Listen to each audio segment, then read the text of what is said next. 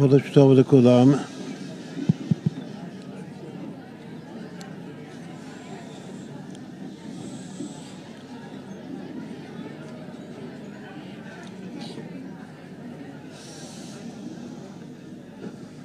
חודש כסלו במסורת של החסידות נקרא חודש הגאולה כמו ניסן.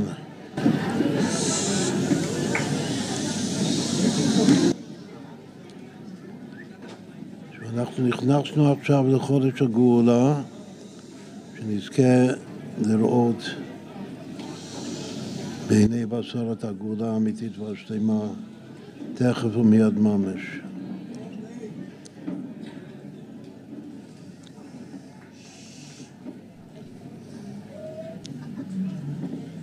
ישנה שיחה של הרבי שכותב שבכל חודש יש משהו חדש, יש שליחות מיוחדת בכל חודש.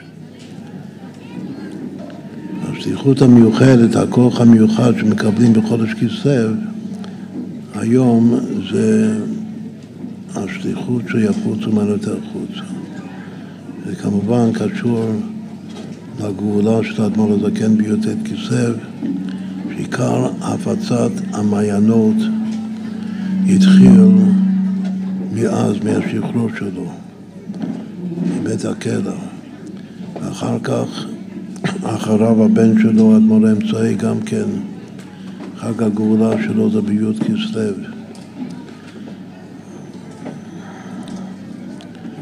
אז אם כן, זה חודש שכולנו מקבלים כוח לקיים את השליחות ממנו יותר חוצה, שאז קעתי מר דם מלכה משיחה בחסד וברחמים.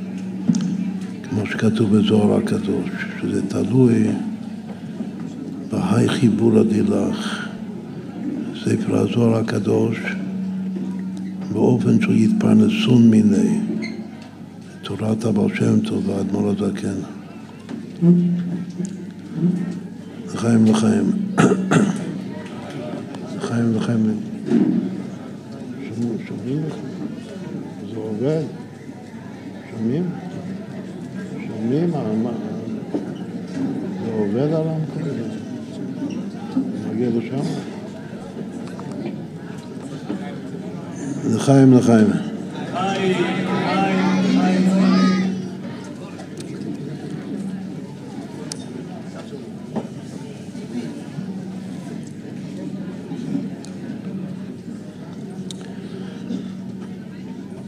בספר יצירה כתוב שכל חודש הוא נברא עם אות, מהי"ב אותיות פשוטות של האל"ף-בית.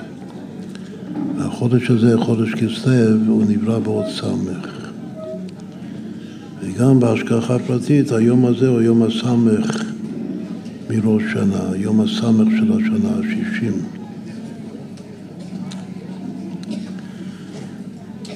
שישים זה שישים גיבורים. צריך את השישים גיבורים, לרב שם טוב, היו שישים גיבורים לרב המגיד, היו שישים גיבורים, וככה בכל דור ודור צריך את השישים גיבורים להפיץ את המעיינות.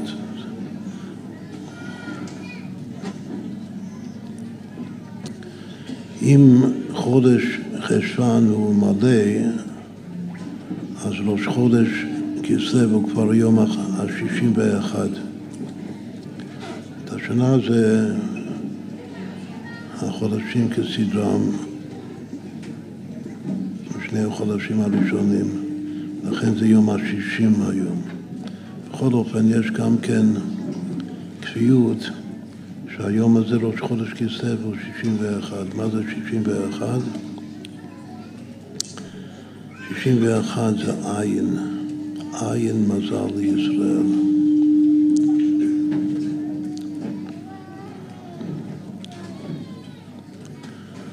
בערב הנושא שלנו יהיה עין. שבשביל לנצח את הניצחון שעלינו לנצח, אז צריך להגיע למידת עין. עין מזל לישראל.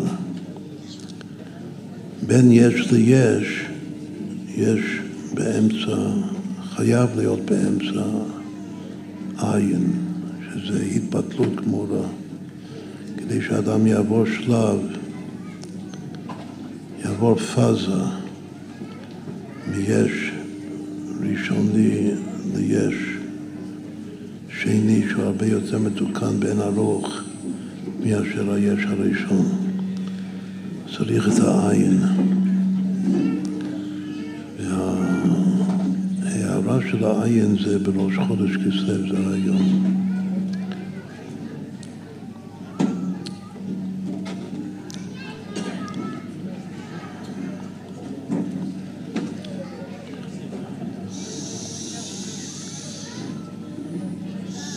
לפני שמשיח בא,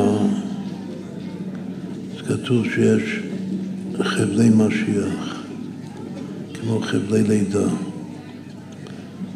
שבעצם חבלי משיח זה משבר, כמו האישה יולדת שיושבת על המשבר.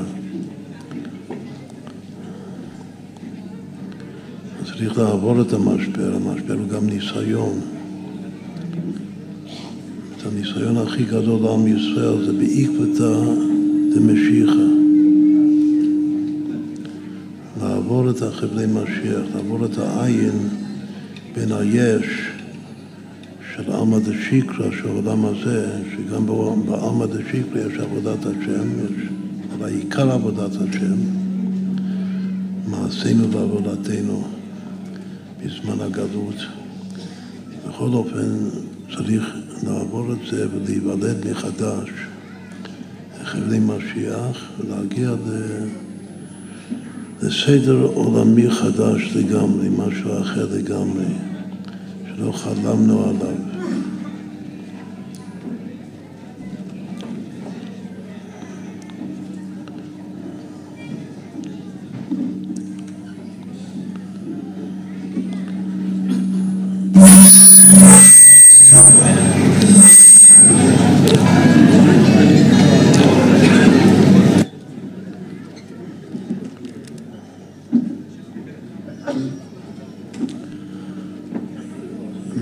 העבודה של, של תקופת המשבר, תקופת חבלי משיח.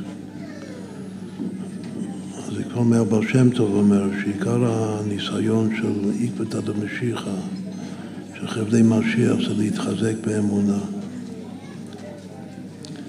אמונה שזה למעלה מיטה ודעת, זה בלי, בלי שכל. צריך להגיע ל... רק לנקודת האמונה. האמונה ש... ירשנו מאברהם אבינו. תשורי מראש המנה, ראש כל המאמינים, והאמין בהוויה ויחשבה לו צדקה, זה הצדקה שלו, האמונה שלו. הפיזור שלו, שהוא נותן את עצמו לגמרי, לכלל, מוסר את עצמו לכלל. מוכן למות, להקריב את, את עצמו לגמרי בשביל הכלל.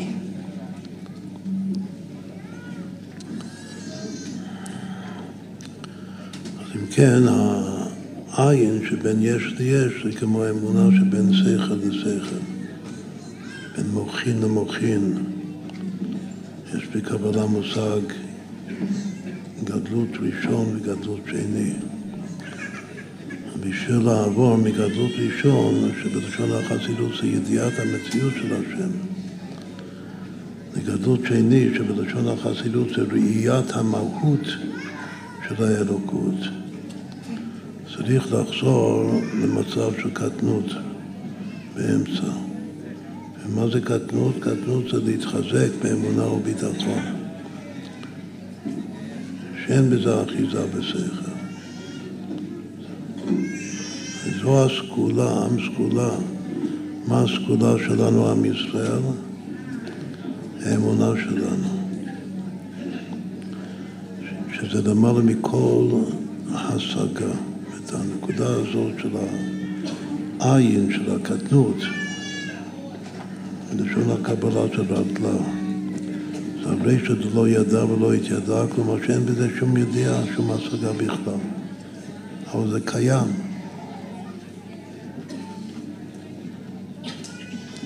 קיים עלינו האמונה מבחינת מקיף, שבאות של חודש כסלו זה הסמך, סמך זה סובב, זה עיגול, עיגול גדול סובב כל המין, ועד לעצמות הסובב שזה עצמותו יתברך. סובב בלי עלמין בכלל, בלי העלם בכלל.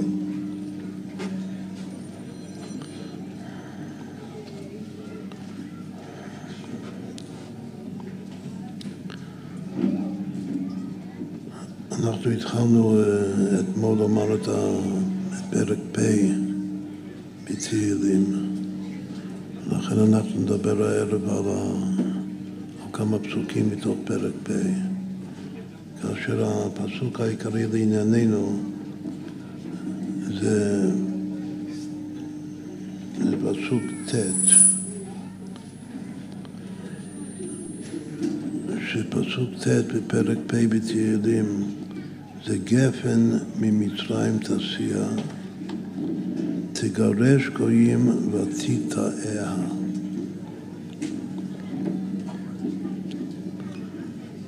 עם ישראל לא נמשל לגפן, יש בפרק הזה פעמיים שכתוב גפן. הפעם הראשונה זה כאן בפסוק ט', שכתוב גפן ממצרים תעשייה, כלומר שעם ישראל השם מסיע, מוציא אותנו ממצרים, גואל אותנו ממצרים. הוא מביא אותנו קודם למדבר, בתוך המדבר הוא גם שוטר אותנו, ובזכות השתילה הזאת, שהוא שוטר אותנו במדבר, אנחנו זוכים לקבל את התורה, לבנות את המשכן.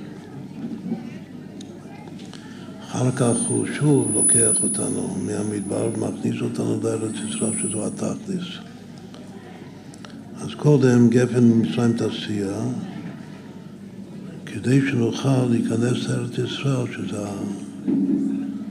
ארצנו הקדושה, אז צריך תגרש גויים ותיטעה, צריך קודם לגרש את הגויים מכאן. ואז אפשר לנטוע אותנו נטיעה שנייה אחרי שהשם עקר אותנו מהנטיעה הראשונה. אפשר לנטוע את עיקר הנטיעה השנייה, זה בארצנו הקדושה. אבל בשביל זה צריך תגרש גויים ותתאר. ואחר כך הוא כותב וממשיך ואומר, פינית לפניה את אשרי שורשיה עד מלא ארץ. צריך לפנות את המקום. שזה המשך של, ה... של הביטוי הקודם, תגרש גויים. פינית, צריך לפנות כאן לפני, לפני עם ישראל. ואז אפשר להשריש אותנו, לנטוע אותנו נטייה עולמית, נצחית, בארצנו הקדושה. תמלא הארץ, שאנחנו נמלא את הארץ. אבל יש עוד שני פסוקים שזה המשך של אותו רעיון. בעצם פה יש בתוך הפרק ארבעה פסוקים של השם מוציא את הגפן מהנטיעה הראשונה.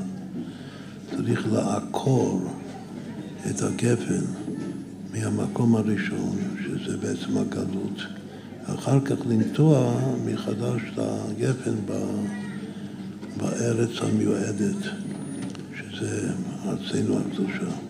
אבל בשביל זה צריך גם לגרש את, ה, את הגויים, לפנות את המקום.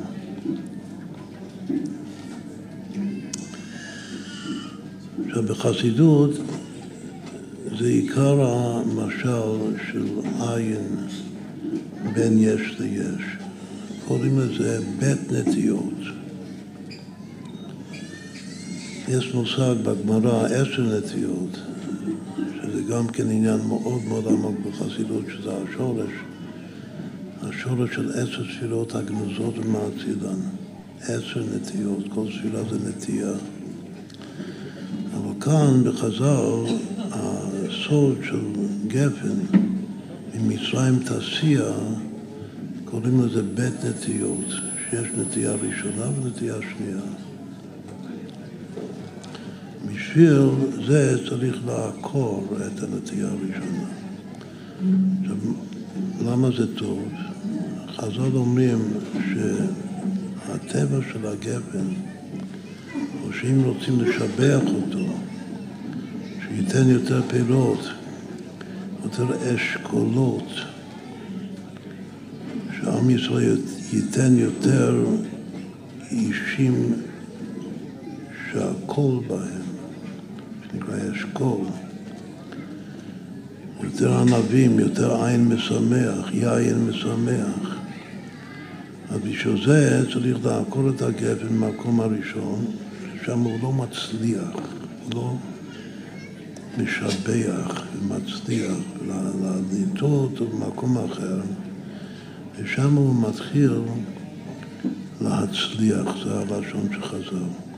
אז היא משבחת את הגפן.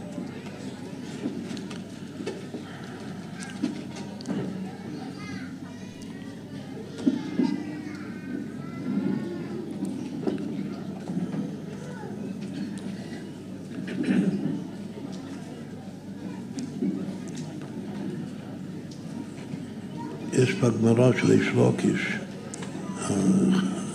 המורה שאנחנו מאוד אה, מחבבים, אז הוא גם אה, חכם גדול וגם גיבור גדול, איש לוקיש. אחד מהדברים שהוא אומר, למה יוסון נמשלו לגפן? אז כתוב שבעם ישראל יש ארבעה סוגים, כמו ארבעה חלקים שיש בגפן בגלל שניוס. יש את האשכולות. האשכולות של הגפן אלו התלמידי חכמים. יש את הזמורות, בעצם כשהוא מתחיל לנתח את הגפן הוא מתחיל מהזמורות. הזמורות הענפים.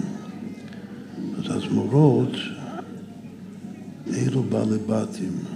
זו חלוקה שלא מצויה כל כך בלשון חז"ל. הוא מתחיל מזה שבעם ישראל יש בעלי בתים, זה הלשון. הבעלי בתים הם הזמורות. ואחר כך הוא אומר שיש אשכולות. שאשכולות גדלות על הזמורות. ואשכולות הם התלמידי חכמים, כלומר הצדיקים של הדור, עיני העדה. אחר כך הוא אומר שיש ערדים, יש סוג שלישי, יש ערדים. ומי זה הערדים? ערדים אלו עמי הארץ. אז אם כן, בעל הבית זה לא עם הארץ, זה שני סוגים שונים. יש בעל הבתים ויש עמי הארץ, ויש אשכולות, יש תלמידי חכמים. כלומר שיש עוד חלוקה, עוד יותר פחות מעמי הארץ. הקנוקנות. הקנוקנות של הגפן, אין לזה שום צורך. זה כאילו משהו מיותר, זה לא משמש שום דבר. העלים משמשים, אז מורות ודאי, האשכולות זה התכלס. והקנוקנות זה הריקים, הריקנים שבישראל. כלומר שמי שפחות קם מעם הארץ, שאין לו כלום, אין לו שום צורך. אלו ארבעה החלוקות, ארבע החלוקות של הגפן של עם ישראל. מה ההמשך של ה... של, המאמר של איש לוקיש. איש לוקיש היה בארץ ישראל כאן.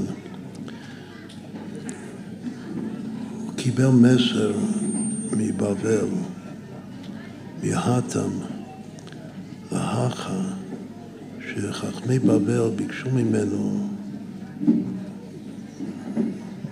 מחכמי ארץ ישראל, ביקשו שהאשכולות יתפלדו לשלום העלים.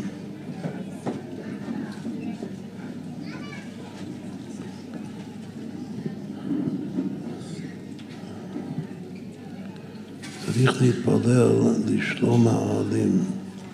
התלמידי חכמים שהתפללו לשלום עמי הארץ.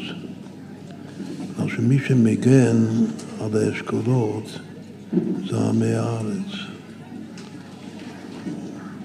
שמה זה עולה? חוץ מזה שעולה הוא מגן על, ה, על הגפן, אנחנו היום יודעים עוד יותר שהעלה הוא בעצם מקור החיות של הגפן.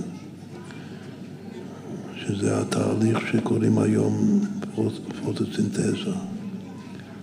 את העלה הוא מקבל את האור של השמש, שזה שמש הוויה, אור של השם, והופך את זה לחיות, לחיים.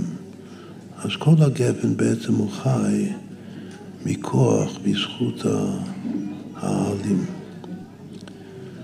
לכן זה ודאי אה, עוד יותר מובן שביקשו מריש לוקיש וחכמי ארץ ישראל שהאשכולות יתפללו לשלום העלים.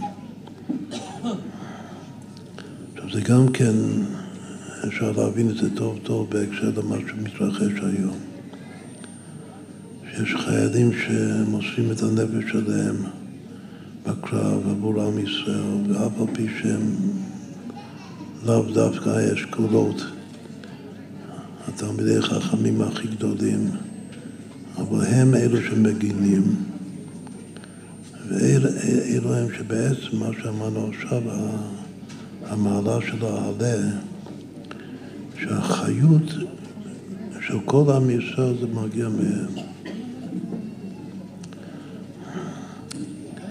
צריך מורות, שזה בעלבתים שמחזיקים את העסק. הבעלבתים יש להם את הכסף, שצריך הרבה כסף בשביל לקדם עניינים, בשביל להביא משיח. צריך הרבה זמורות.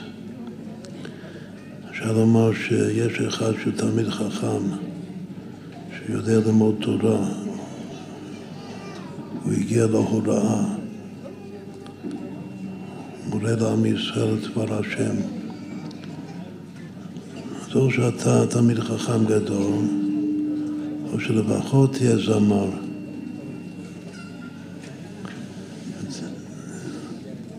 או תורה או מוזיקה.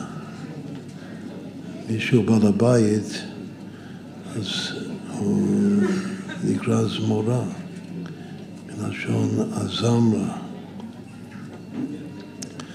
יש אלה שיודעים ללמוד תורה ויש אלה שיודעים לשיר ויש אלה שלא יודעים לא זה ולא זה. אבל הם מוסרים את הנפש שלהם, עמי הארץ. יש אפילו פחות מזה שזה ריקנים, הקנוקנות.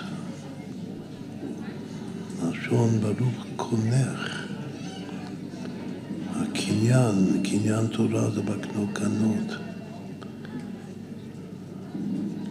כפלח הרימון לקטך, אפילו ריקנים שבך מלאים מצחוק כרימון. הרימון זה הפרי מהזין מינים שהוא כנגד שירת ההוד, שזה עצם היהודי.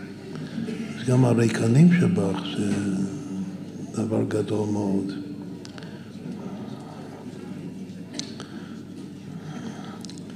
בכל אופן האשכולות צריכות להתפלל על העלים. זה המשל, זה משל אחד של הגפן.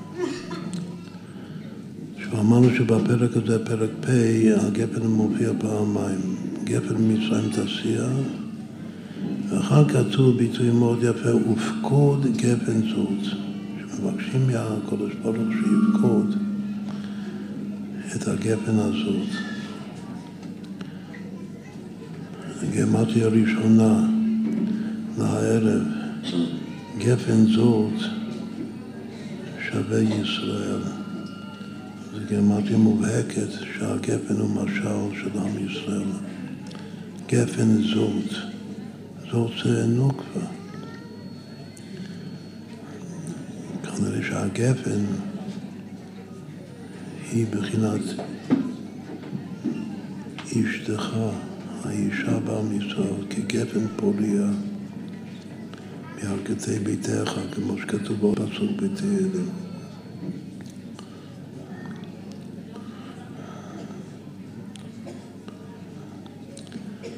אשר תאמר אליך שרה שמע בקולה. מה היא אומרת? היא אומרת גרש את האמה הזאת ואת בנה. אז כתוב שהפסוק שלנו תגרש קוראים ותתאה זה פסוק מקביל לגרש את האמה הזאת ואת בנה, כי לא יירש בין האמה הזאת עם בני מצחק. מי אומרת את זה? זה הגפן אומרת, שזה האישה אומרת את זה. האישה מבינה את זה. בינה יתירה ניתנה באישה יותר מבאיש. כתוב, ובכל גפן זאת זה כמו האיש שפוקד את אשתו. ובכל גפן זאת. זה פעמיים כאן גפן בפרק. גפן מצרים תסיע, תגרש קוראים ותתאיה, פינית לפניה וכו'. אחר כך ובכל גפן זאת, שהשם יפקוד אותנו. אנחנו האישה, כולנו, כל עם ישראל, אנחנו הכלה והאישה של הקודש ברוך הוא.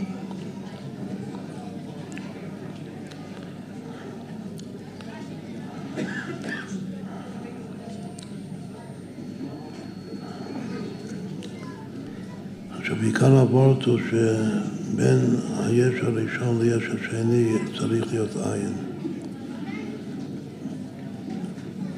יש הרבה פירושים בחסידות מה זה היש ראשון והיש שני, אומר מה זה העין שבאמצע שמחבר אותם. העין זה מצד אחד זה העלם, זה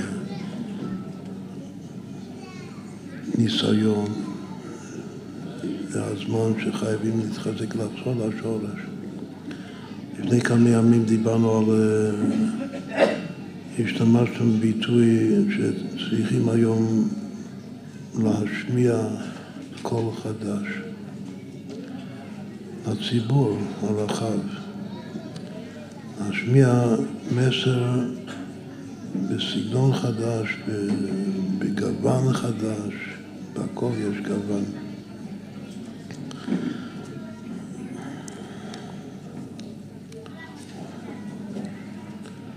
עכשיו, הכל החדש, כל דבר שהוא חדש באמת, הוא צריך להתחיל מההתחלה.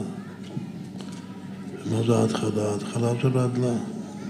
אם רוצים משהו חדש, חייבים ממש חדש, אז אי אפשר להתחיל מהאמצע. כלומר שתתקן את אפילו דברים טובים מאוד, תתקן את האהבה, את היראה, את החוכמה, הבינה. אי אפשר להתחיל משהו חדש מהאמצע. צריך להתחיל חדש מההתחלה.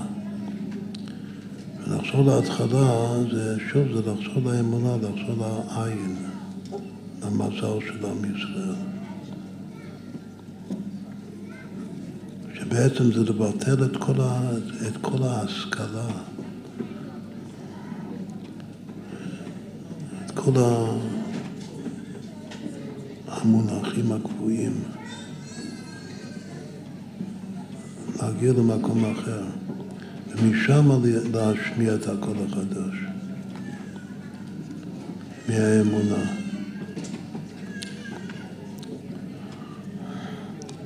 זה בדיוק ההזדמנות שלנו היום, בתקופה הזאת, מאז אה, שמחת תורה השנה הזאת, שהשם אומר לנו שצריך פה שינוי אמיתי. לא שינוי של מה שנקרא קוסמטיקה. צריך משהו שבאמת שורשי הוא חדש. ובשביל זה צריך להגיע לעין. את השם עושה שאנחנו בעין. שם אותנו בעין, אבל גם אנחנו בתודעה שלנו צריכים לדעת, לתפוס את, ה, את ההזדמנות פז, בלשון הרבי. שעכשיו מתוך העין אפשר להגיע ליש חדש ולהשמיע את הקול החדש ובעצם להביא משיח, להביא גאולה לעם ישראל. נעשה רמז של בעל, יש, יש מושג בהלכה, ספרות של בעל הבתים. ספרות של בעל הבתים זה, זה ספרות של, של זמרים כנראה, של זמורות.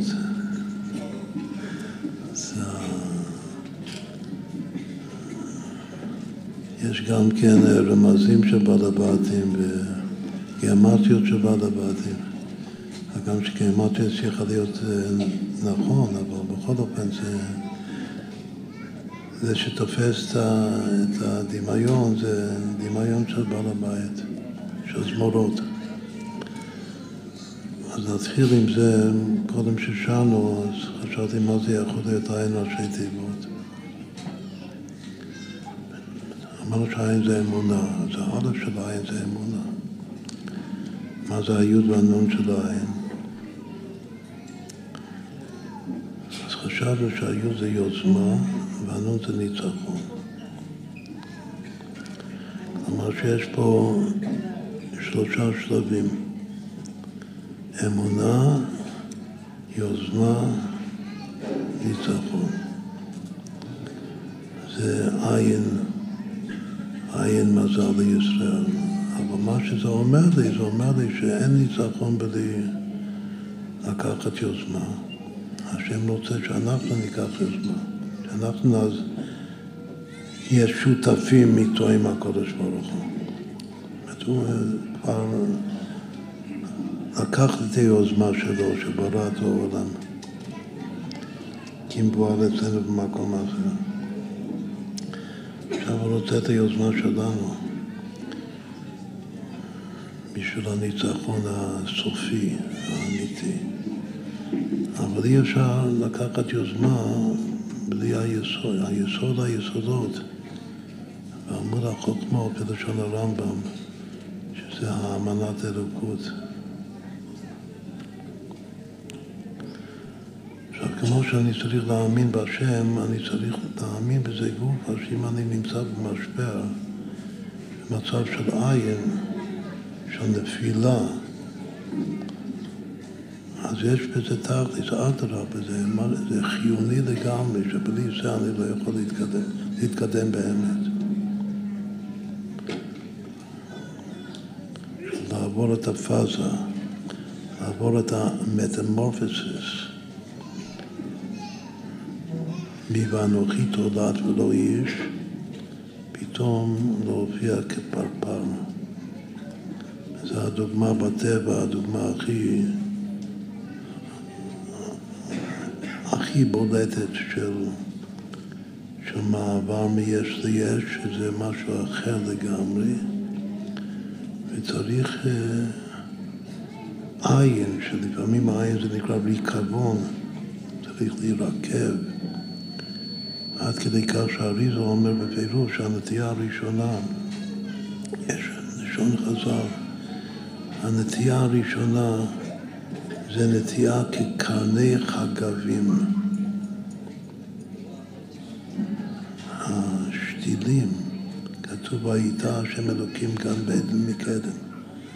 הקדוש ברוך הוא נטע את גן עדן. זה שכתוב ואיתה שהוא נטע, הכוונה שהוא לקח שתילים ממקום אחר והשתיל אותם מחדש בגן עדן. שגן עדן בשביל הקודש ברוך הוא זה הנטייה השנייה. איך אני יודע את זה מהמילה ואיתה? בגלל שנטע זה לקחת שתיל ולשתול את זה במקום חדש. זה גפן מצרים תעשייה. אז כתוב בחז"ל שמאיפה הקודש הוא לקח את השתילים בשביל גן עדן. אז, אז היה לו איזה משתילה ששם השתילים היו מאוד מאוד קטנים, היו מאוד דקים, כקרני חגבים היו דקים. ואחרי שהוא לקח אותם משם ושתל אותם מחדש בגן עדן, אז הם הפכו להיות כארזי לבנון. זה דימוי מאוד יפה של חזון. מקרני חגבים לארזי לבנון. איך האריזה מסביר את החז"ל הזה?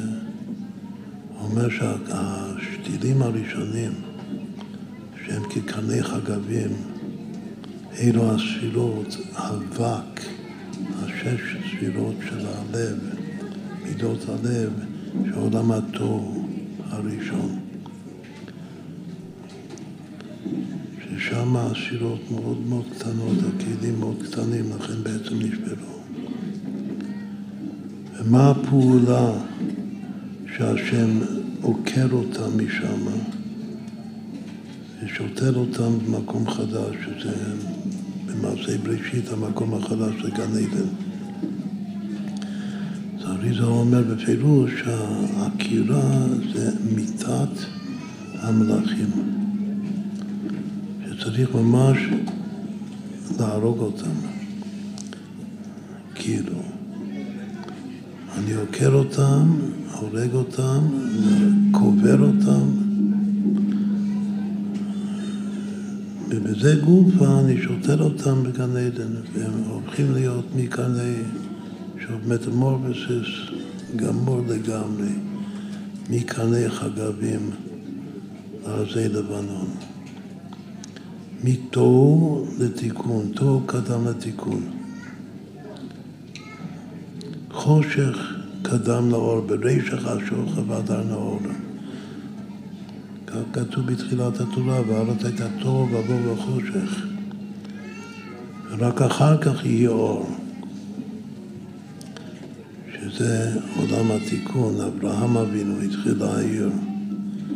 מה הדיבור הראשון שהשם אומר לאברהם אבינו הראשון, היהודי הראשון? אומר, לך לך, מארץ לך. וכולו אל הארץ אשר ראיך.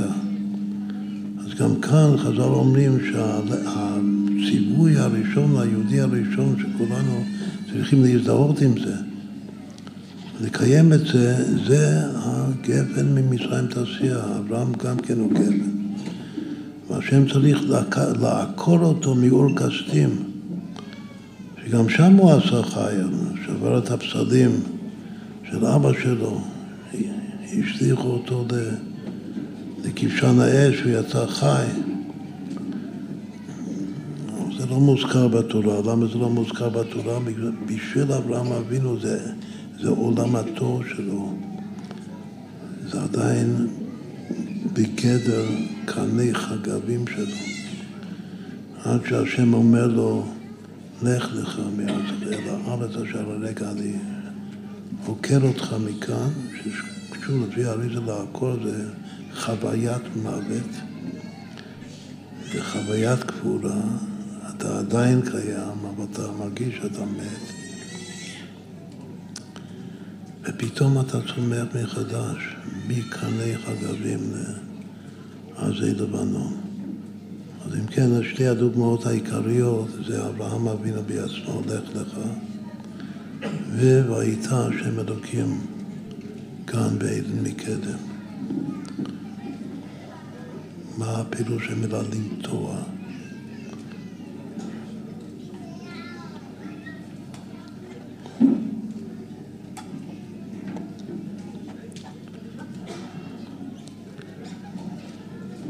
וחוץ מזה יש לה, מהפירוש שלה צמח צדק, יעל אור על תהילים. יש לו פרצוף שלם של תשעה עשרה פירושים שונים. מה זה גפן ממצרים תעשייה? כלומר, מה זה אומר בנפש? לעקור ולשתור מחדש, שאז זה מצליח. אם אתה מרגיש שאתה לא מוצלח, אז סימן שלא עקרו אותך עדיין.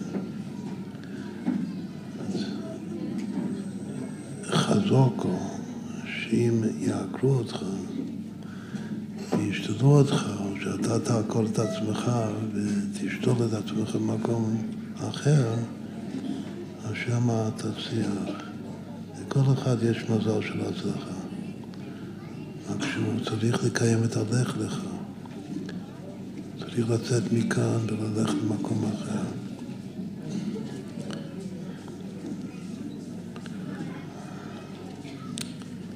עכשיו, זה גם יכול להיות בגשמיוס ממש, זה גם יכול להיות uh, בפנימיות, ברוחניות. צריך לצאת מהמוסכמות, מהנחות העולם. על ידי כוח חדש, להגיע למקום חדש לגמרי.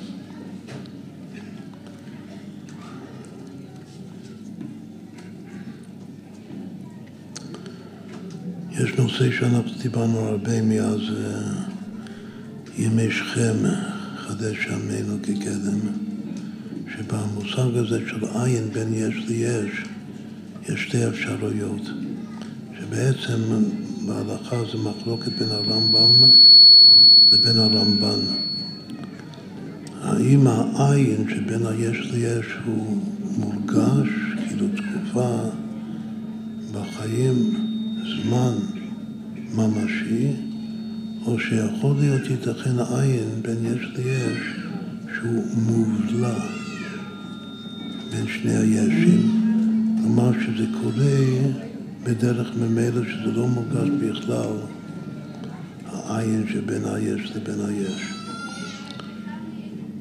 אז הסברנו, ויש הרבה דוגמאות בהלכה שלדעת הרמב"ם הוא, הוא מעדיף לא להרגיש את העין. שהיש הראשון והיש השני, שזה המעבר, יהיה בדרך, כאילו זרימה בדרך ממילא. אבל הרמב"ן, שכידוע שהוא כבר התחלת אה, התגלות חוכמת הסוד,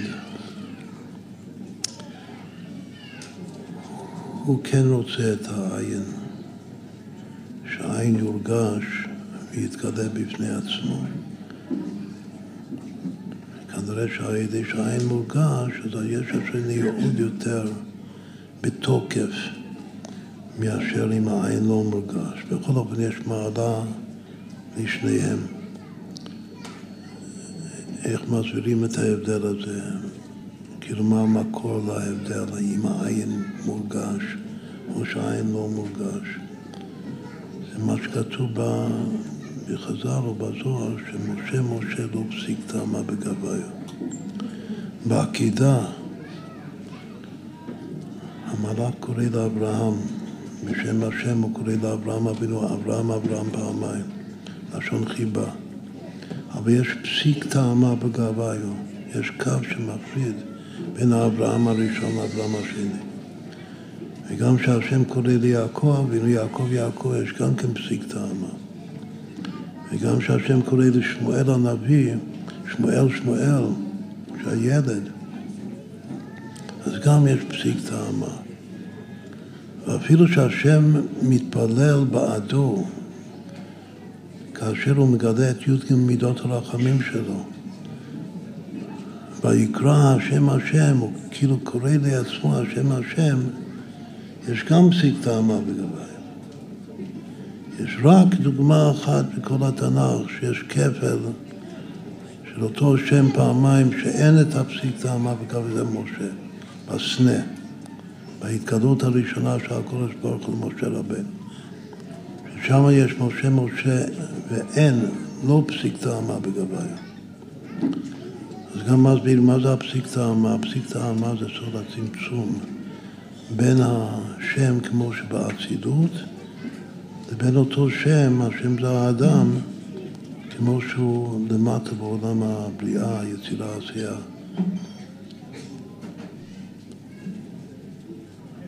צמצום בקבלה חוץ מעולמות הביאה, אצילות בריאה, יצירה עשייה, יש גם מושג אדם דאצילות, שזה אור אינסוף של לפני הצמצום. האדם לבריאה, שזה אק, אדם קדמון אחרי הצמצום. אז גם ביניהם יש פסיק טעמה. הפסיק טעמה זה הצמצום, זה סוד הצמצום עם הרשימה. אבל רק אצל משה רבינו, המשה כמו שהוא למעלה באצילות, והמשה כמו שהוא למטה, בעולם שלנו, הצמצום לא מוגע, אין צמצום, זה אותו משה רבינו, אותה התגלות, כלומר שהוא... אצילות זה יחידו שהוא גילוי של האצילות ממש גם למטה, בלי שינוי.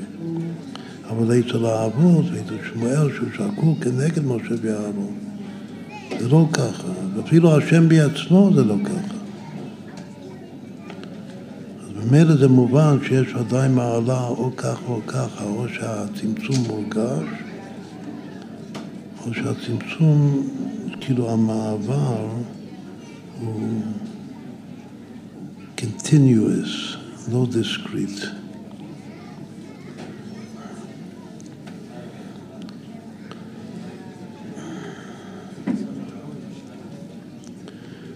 שוב, מה שאנחנו עכשיו נרצה אה, לעשות, שנחלק את השיחה, זה לעבור על הפירושים השונים שהצמח הצדק מביא, 19 פירושים שונים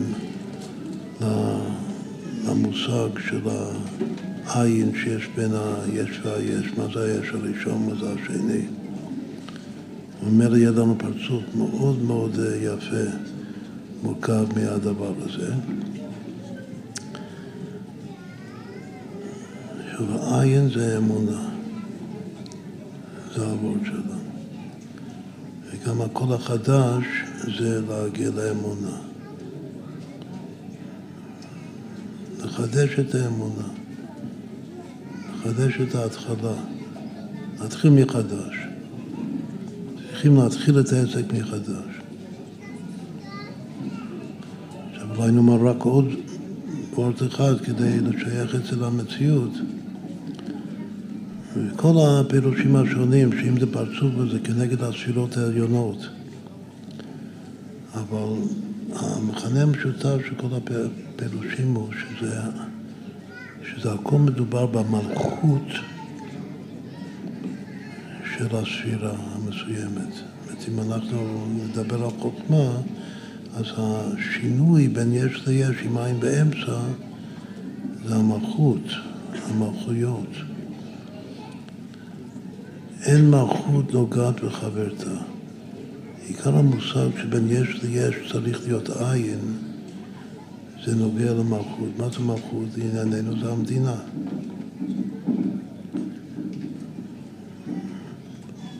אומרים שאין מלכות נוגעת לחברתה, זה יכול להיות שתי מלכויות שונות לגמרי, שני עמים שונים לגמרי. אנחנו פה עם עם אחד, אנחנו פה, עם ישראל. אבל צריך שהמלכות, המדינה, תעבור שינוי מהותי. שיגיע למקום אחר שלא היה קודם כלל וכלל. רוצים כבר מלכות אה, של משיח, מלכות של גאולה. אז כל המושג הזה שיש יש ראשון ויש יש שני, זה בעצם זה מלכות, זה מדינה. יש מדינה ראשונה ואנחנו רוצים מדינה אחרת. בשביל זה צריך לעקור את המדינה הראשונה, כמו שאנחנו עושים את זה, שהקדוש ברוך הוא עושה את זה. בדרך כלל העקירה זה קשור עם מלחמה. ולהגיע למלכות אחרת. עכשיו, העין, בנוגע למלכות יש עוד כלל גדול מקבלה בחסידות, שהעין של המלכות, יש פרצוף של המלכות, שיש מדינה עם קבנט, עם שרים, עם תפקידים, עם אוצר של הרבה כסף, לעשות כל מה שצריך לעשות, יש מדינה. אז המדינה זה פרצוף, פרצוף גדול מאוד. רוצים עוד מדינה. שוב, אנחנו רוצים מדינה של אותם אזרחים, שזה אנחנו. אבל מדינה אחרת. יש גם שם פרצוף. אז מה, מה המצב הביניים? מה העין בין המלכות? צריך להיות עין בין מלכות למלכות. העין, הביטוי בקבלה זה שהמלכות חייבת לחזור להיות נקודה תחת היסוד. הרי הספירה שמיד המלכות זה היסוד. המלכות צריכה לחזור להיות נקודה קטנה, מצומצמת, כמו בעולם התוהו. שעולם התוהו זה נקרא עולם הנקודים, שהכל שם נקודות, כמו קרני חגבים שאמרנו קודם. המלכות הגדולה, עם כל המשרדים, עם כל השרים וכולו, היא צריכה להצטמק. להצטמק ולחזור להיות נקודה קטנה, אבל לא סתם נקודה באוויר.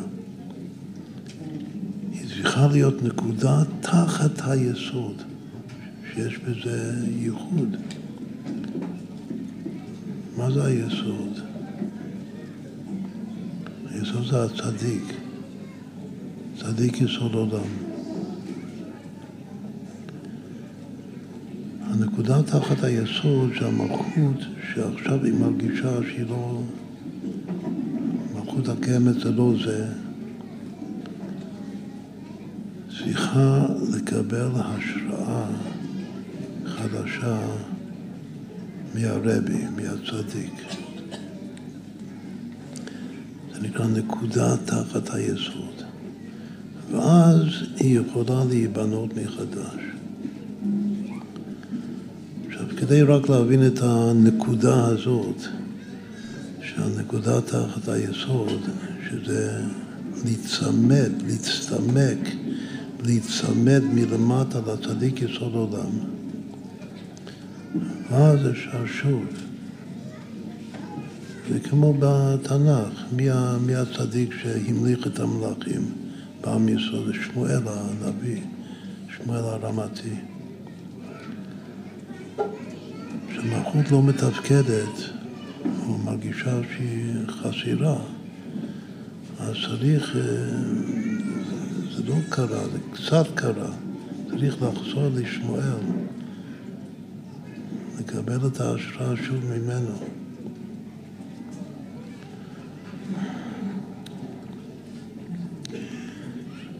יכול להיות שאם שאול היה מתעקש יותר ויותר להיצמד לשמואל, אז אולי היה זוכה לתיקון. אבל מה שקרה,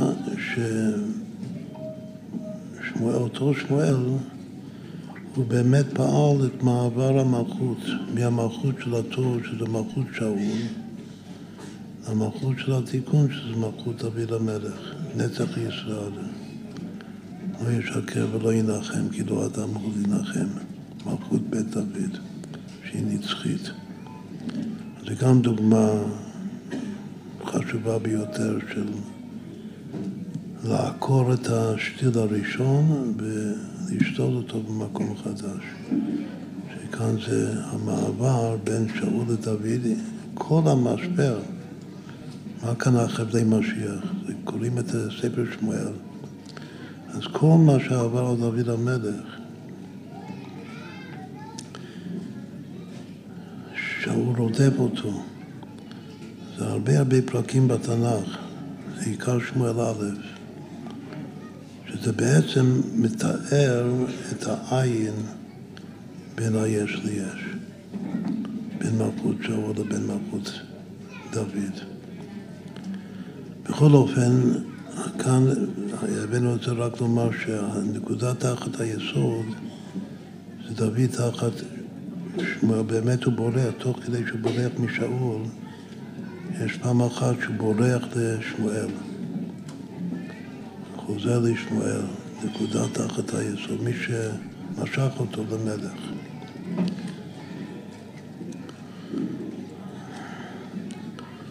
אם כבר, נעשה עוד אה, מבנה חשוב, שזה חידוש שלא זוכר שאמרנו את זה פעם. קודם כל נאמר איזה רמז, מה זה שמונים, עבור בגבולות. שמונים זה גם בגמטרי יסוד. המילה יסוד שווה שמונים כתוב. ושמונים זה גם בגמטרי כלל. שכלל זה כלל ישראל. שאומרים לך השם הגדולה והגבורה וכולו, אז ההמשך הוא כי כל בשמיים ובארץ, כתוב שכי כל זה גם שווה כלל, שווה יסוד. לכן כי כל בשמיים ובארץ זה אחיד.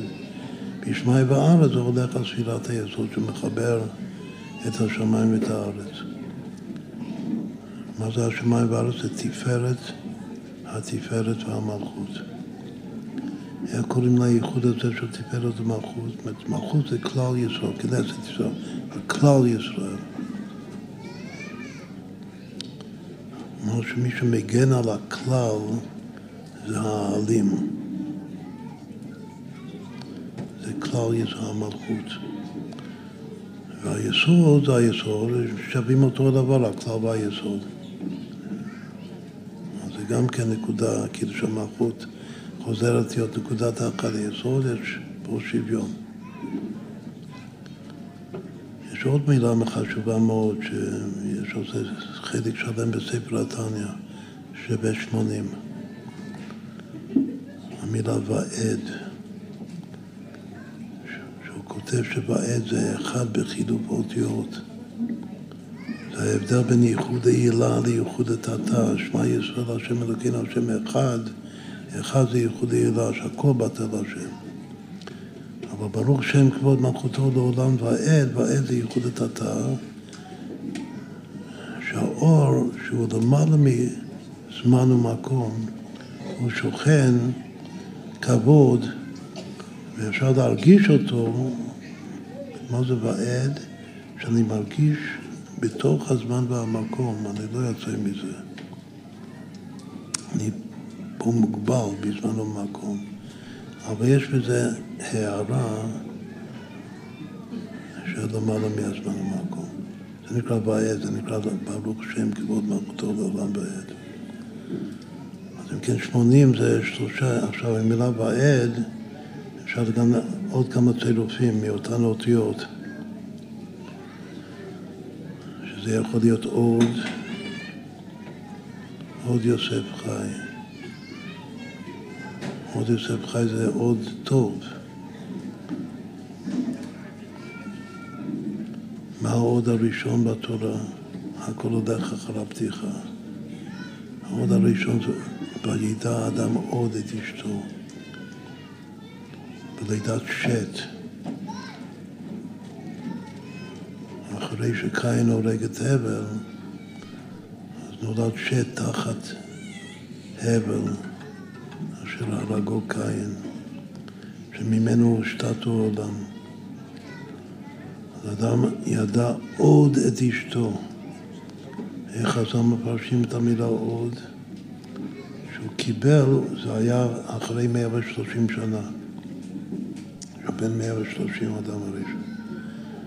הוא קיבל מחדש תוספת, תוספת תאווה. בייחוד עם אשתו. ככה זה מפרשים את זה. זה יכול להיות משהו טוב, יכול להיות משהו לא טוב. זה, טוב זה, יש במילה עוד התחדשות. התחדשות של חיות. התחדשות של רצון, של דחף. של דחף להוליד. להוליד מחדש. איזה עוד צירוף יש באותיות האלה? דעו. לשון דעת, איפה כתוב דעו? כתוב עבדו את השם בשמחה, בעוד לפניו ברננה, דעו, כי השם הוא אלוקים. הוא עשנו ולא אנחנו. עמו וצאן מרעיתו. פרק ק' בתהילים, פרק שמסוגל ללידה כידוע. שם זו פעם יחידה בתהילים שיש את המילה הזאת, דעו. אז יש דעו ויש עוד ויש העד. עכשיו עוד, שהוא שווה יסוד, המילה עוד הוא, הוא מעבר מיש ליש. עוד, ריבוי שעוד, עוד מדינה. איך הסברנו פעם את הביטוי אין, אין מלך בלא עם? שעם זה ראשי תיבות עוד מלך, שזה מה שאמרנו קודם, ש... שאין מלכות נוגעת בחברתה. כל המושג מלכות הוא שזה עובר. המלכים שאותו וימלוך ויעמוד. כנראה שהמעבר הזה של למלוך ולמות זה משהו עצמי למלכות. לכן צריך באמת לשאוף שהמלכות תמות ושתקום מלכות אחרת. בפרט אם המלכות הקיימת היא מלכות שלו. אז ודאי שהיא חייבת למות כדי שתקום מלכות של, של תיקון. בכל אופן, מה אמרנו עכשיו?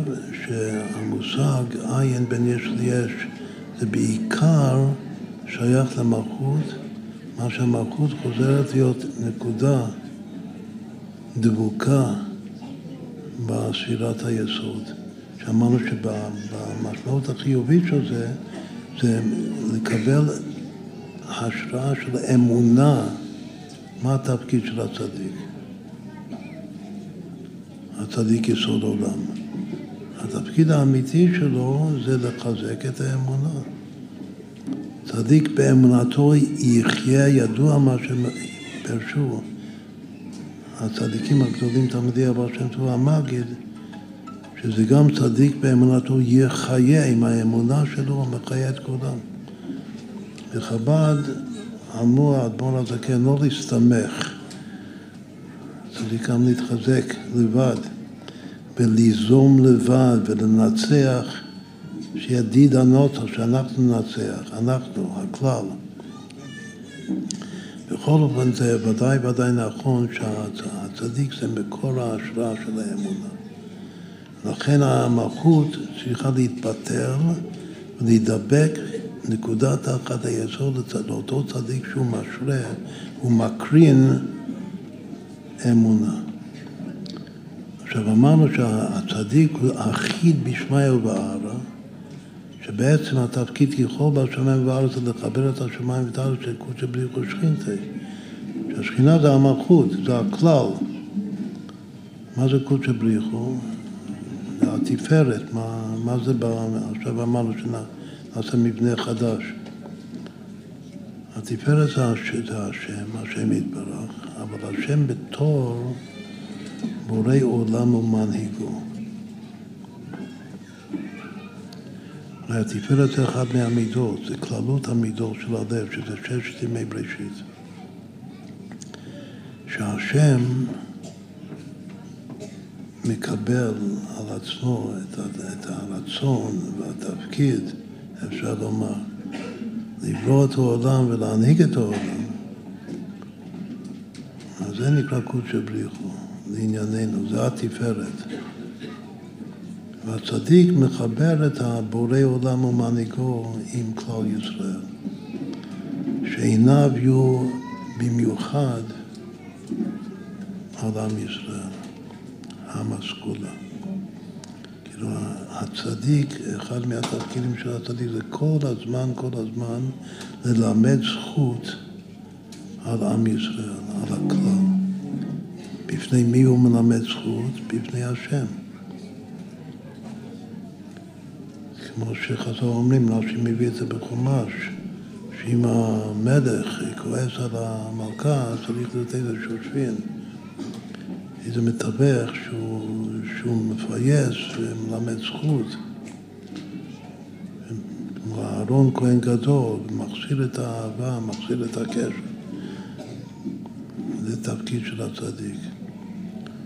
בכל אופן, השם כאן, הקודש ברוך הוא, אם הוא מזוהה בקבלה עם שירת התפארת שמעל היסוד, והקודש ברוך שבורא את העולם, מנהיג את העולם.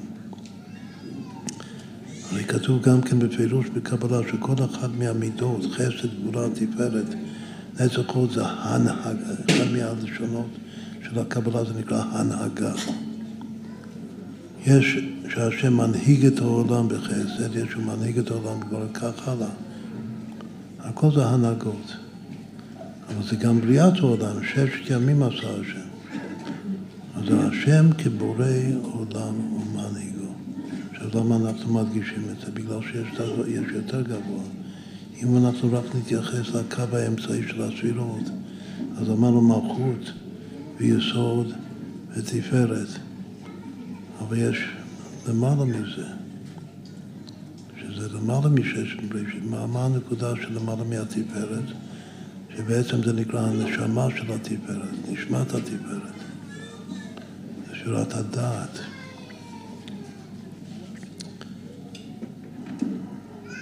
מה זה הדעת לענייננו? הדעת זה הקודש ברוך הוא של הרמב"ם.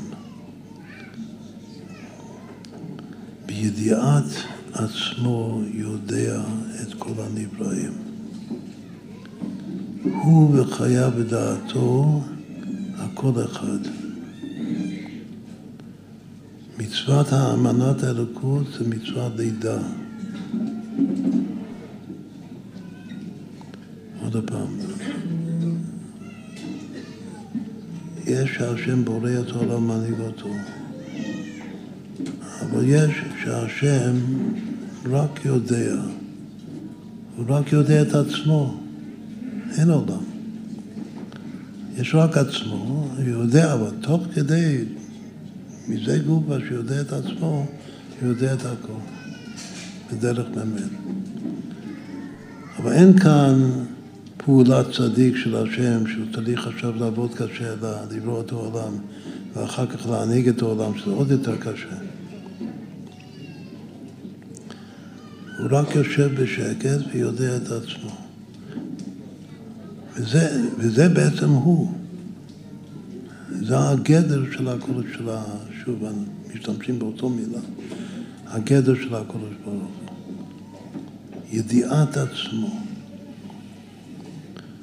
אבל יש משהו יותר מזה, הרי המהר"ל לא, לא אוהב כל כך את הקודש ברוך הוא של הרמב"ם. מה הוא רוצה? הוא רוצה נקודה מעל הדעת, זה הכתר. כתר זה אמונה, זה לא דעת. מה זה לענייננו? לענייננו הכתר זה, בלשון החסידות, המילה שהרבי, כל הרבים, אבל ככל שחסידות חב"ד עוברת, מתקדמת, אז יותר ויותר הדגש הוא על מילה אחת, שהמילה הזאת זה העצמות. עצמותו ממש, אז כאילו לא מפחדים לדבר על עצמותו של השם, כמו שיש מפחדים.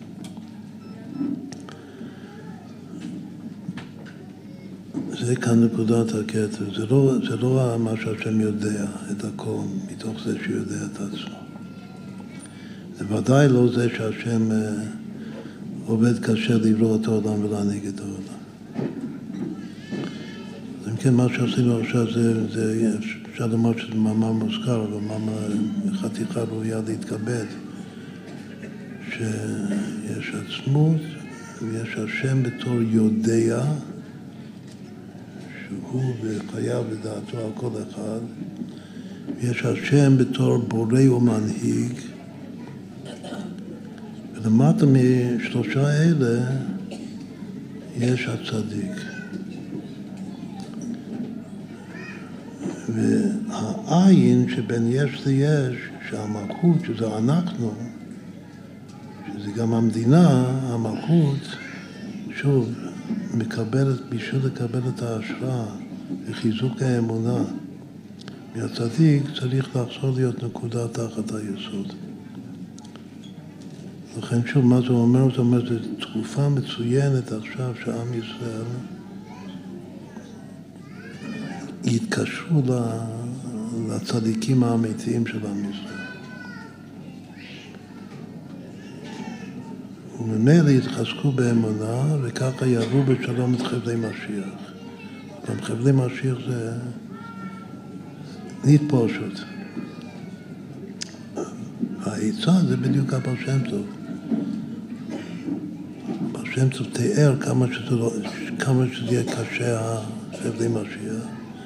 ומה העצה היועצה? התקשרות לצדיק. שזה לחזור להיות נקודת תחת היסוד, ושהיסוד יחזיק אותי עד יעבור זעם. חבי מעט, כמעט רגע עד יעבור זעם. חוץ מזה, העדים, החיילים, ינצחו מכוח זה. טוב, עד כאן אמרנו שנעשה הפסקה לפני שעושים את החלק העוד יותר כבד, שזה לעבור את כל הפירושים של יש, יש ועין באמצע. ביקשתי שנאשר כמה שירי אמונה. כמו אני, אני מאמין,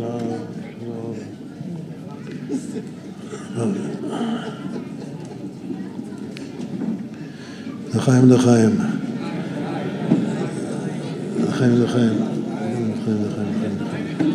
לחיים לחיים.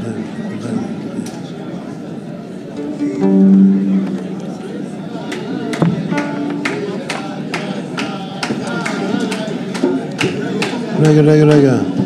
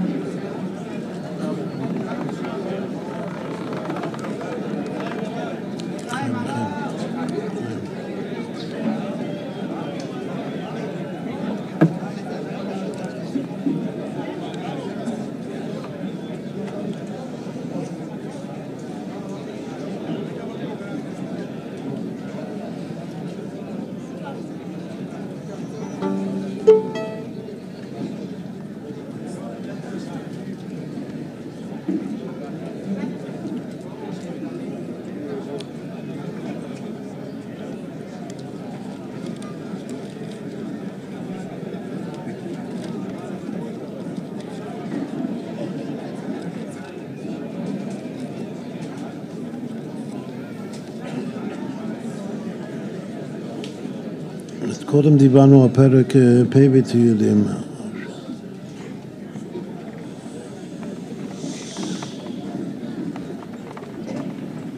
יש קשר בין 70 ל-80, יש בפרק ע' בתהילים, יש תופעה חשובה שהרבי מסביר אותו, זה מתחיל חושה, זה נגמר חושה, אל תאחר. מה הפסוקים? כתוב אלוקים להצילני השם לעזרתי חושה, זו התחלה. ואחר כך הסוף הוא ואני אני ואביון האלוקים חושה לי, עזרי ומפלתי עתה, השם אל תאחר. שוב, הפרק הזה זה פרק קצר, פרק ע', 70. ההתחלה זה חושה, את השם לעזרתי חושה, והסוף זה אלוקים חושה לי, עזרי ומפלתי עתה, השם אל תאחר. מה מסביר כאן הרבי?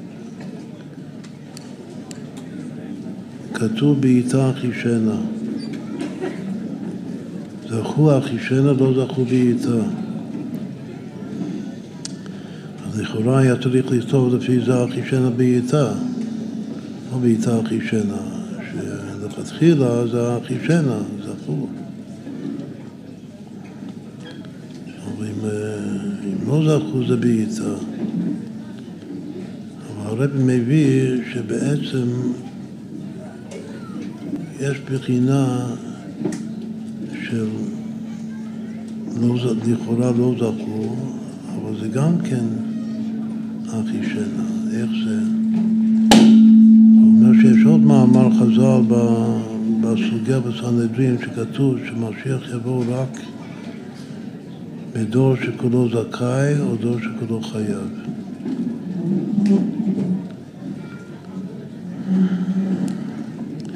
יש לנו הרבה וורטים על הדור שכולו חייב, כמו דור שכולו חייב משיח נ"ל. בכל אופן, כמו המליצה הזאת, יש אה, הסבר ממש קרוב לזה של הרבי, שאומר ששתי האפשרויות האלה, שדור שכולו זכאי ודור שכולו חייב, שניהם זה חייב להיות הכי שינה. אם הדור הוא זכאי, אז הוא זכאי שמשיח יבוא עכשיו לפני, לפני הקץ, לפני הקץ של בעיטה. אז זה פשיטה שדור שכולו זכאי, הוא זוכה למשיח נע. בחסד וברחמים, אבל מה לגבי דור, דור שכולו חייב? זאת אומרת שהפשט של דור שכולו חייב זה גם ש, שאם הוא יחכה לקץ של בעיטה הוא כבר לא יהיה קיים בכלל. הוא על סף חורבן. לכן אם דור, מה כתוב על דור שכולו חייב? כתוב שהשם מביא, מביא מלך קשה כאמן והוא חוזר בתשובה ואז כמו שהר"ם פוסק שסוף ישראל בסוף גלותה לעשות תשובה ומיד נגדים. אז הקדוש ברוך מסבב את הסיבות שעם ישראל יעשו תשובה עכשיו בגלל שהוא חייב, כולו חייב, אין לו זכות קיום יותר. השם, השם נשבע והשם קשור אלינו בעצם, אנחנו חלק ממנו. אז הוא מסבב שאנחנו נעשה תשובה ואז אנחנו נגדים.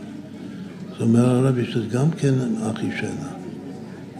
זה לא לחכות לקץ. אז אם כן, שתי האפשרויות האלה, שדור שכולו זכאי ודור שכולו חי, ושניהם זה חושה. החישן זה החושה, זה המילה הזאת חושה, מהר. על זה הוא כותב שיש חוש הראשון, יש חוש הלי, ויש אל תאכל, אל תאכל זה בעיטה. אבל שני החושה זה חושה של דור שכולו זכאי וחושה של דור שכולו חייב. זאת אומרת שהביטוי הזה בעיטה הכי שנה, אנחנו מאוד אוהבים את זה גם בגלל הגאמטיה של בעיטה הכי שנה, שווה חיה פעמים יחידה, זה הדבר אשר ציווה השם, אבל עוד יותר יפה שמבינים שיש פעמיים הכי שנה. יש בעיטה. בעיטה זה כמו שכולנו בעל הבתים, זמורות.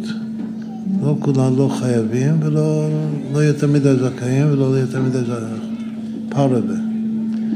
לדור שהוא פרווה, אז הוא צריך לחכות לקץ.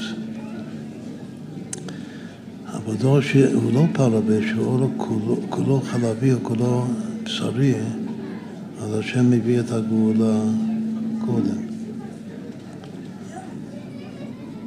חושה. כלומר שיש כאן מבנה של חשמל, רק שה... דרך אגב, חשמל שווה קול חדש. הקול חדש שאנחנו מדברים עליו זה חשמל, העיקר הסוד של הבעל שם טוב.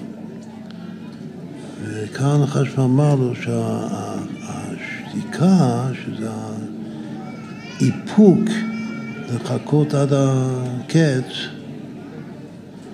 זה הבעיטה. לכן בעיטה זה בא קודם, הפסוק. בגלל שבנפש זה השתיקה. אבל המלמל, שני המל, שזה מל לשון מילה ומל לשון דיבור, שזה המתקה, זה הדור שכולו חייב ודור שכולו זכאי, שזה פעמיים חושה. אחישנה, אחישנה. כשעושים את החשבון בעיטה אחישנה, אחישנה, המספר שזה יוצא זה 1225, שזה ל"ה בריבוע וגם מ"ט במשולש, שזה שמי לעולם וזה זכרי לדור דור, כאילו מספר מאוד מאוד חשוב. המספר הראשון שהוא גם ריבוע וגם משולש, אחרי ל"ו. אחרי אחד, יש אחד ול"ו, ל"ו זה שמונה, המשולש של שמונה שהוא הריבוע של שש, הסוד של חטא ימי החנוכה, מוסיף הולך, ושזה חודש הזה, חודש כסלו, והמספר 1225 זה ימים של תפילת העומר.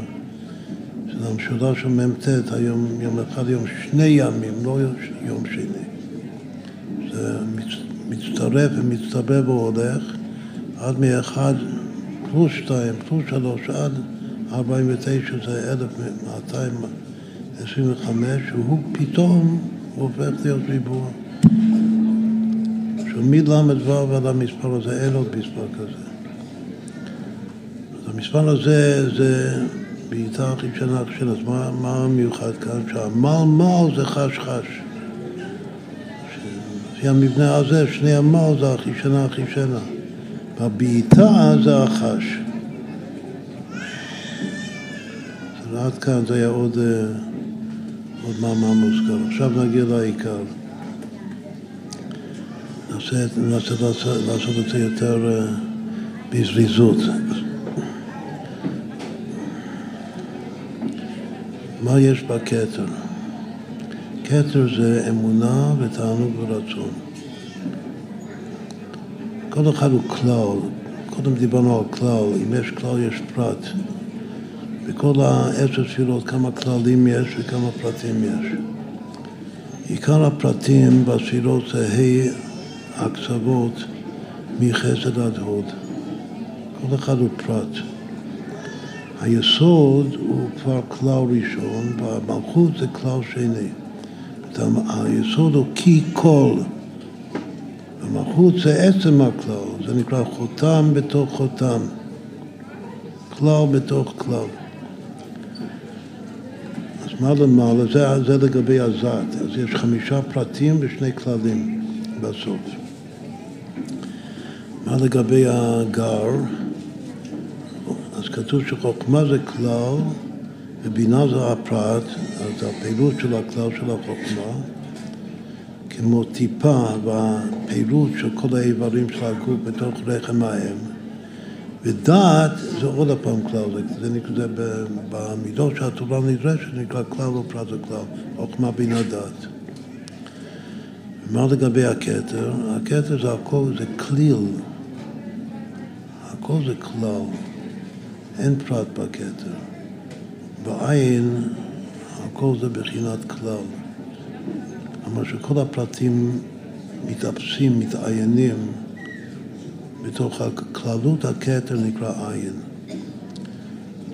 ולכן הכל זה כלל, אין שם פרט. אז אם כן, בכתר יש שלושה כללים, ג' ראשים שבכתר. אמונה זה הכלל הכי גדול, תענוג זה גם כלל, ורצון זה גם כלל, וחוכמה זה גם כלל. יש ארבעה כללים, אחר כך הפרט הראשון זה בינה.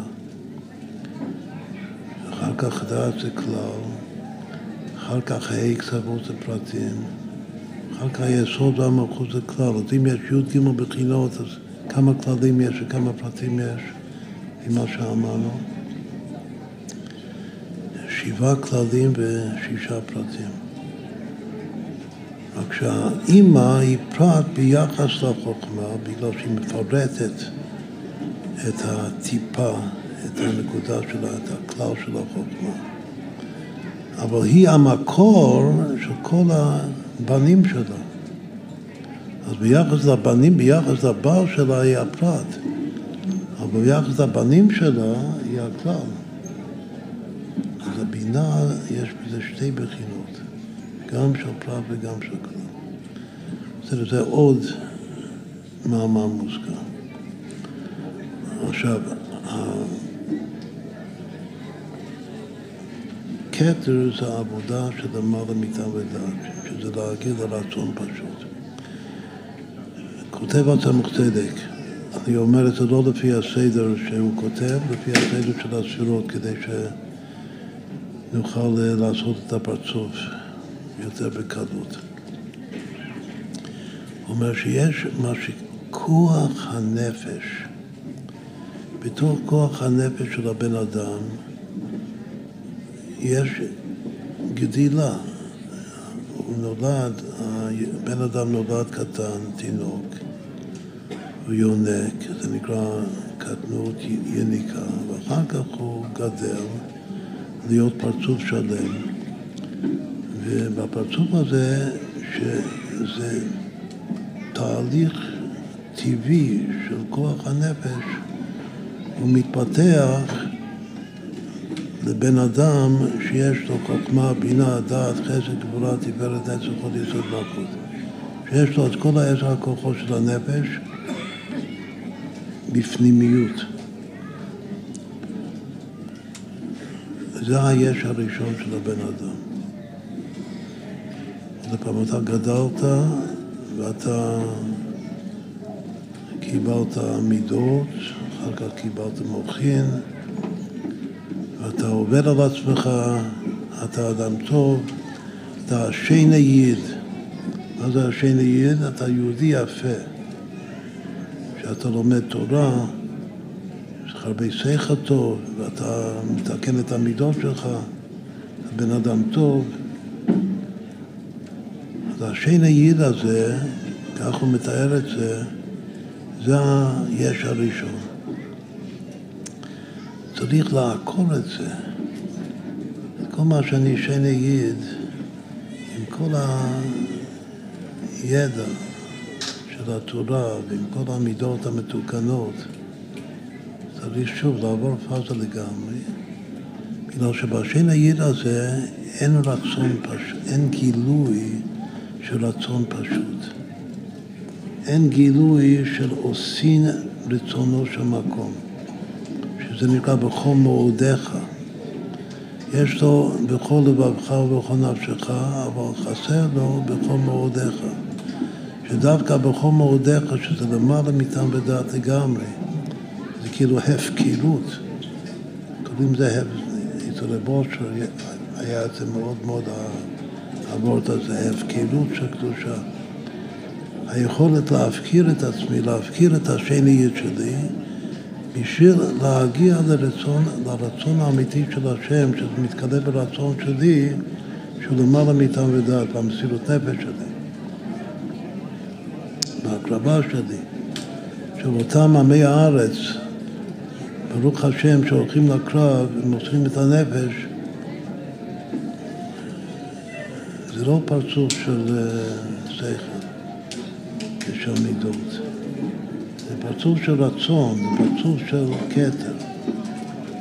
אז ככה מסביר התמר צדק שהיש הראשון, הנטייה הראשונה, של כל מה שאנחנו עכשיו לומדים, זה, קוראים לזה בית נטיעות. אז זה עוד גרמטיה שלא עשינו קודם, כמה שווה נטיעה, המילה נטיעה. כאן עיקר העבוד הוא שבשביל נטיעה אמיתית חייבים שני שלבים, שתי פאזות. שוב, מטמורפוס גמור.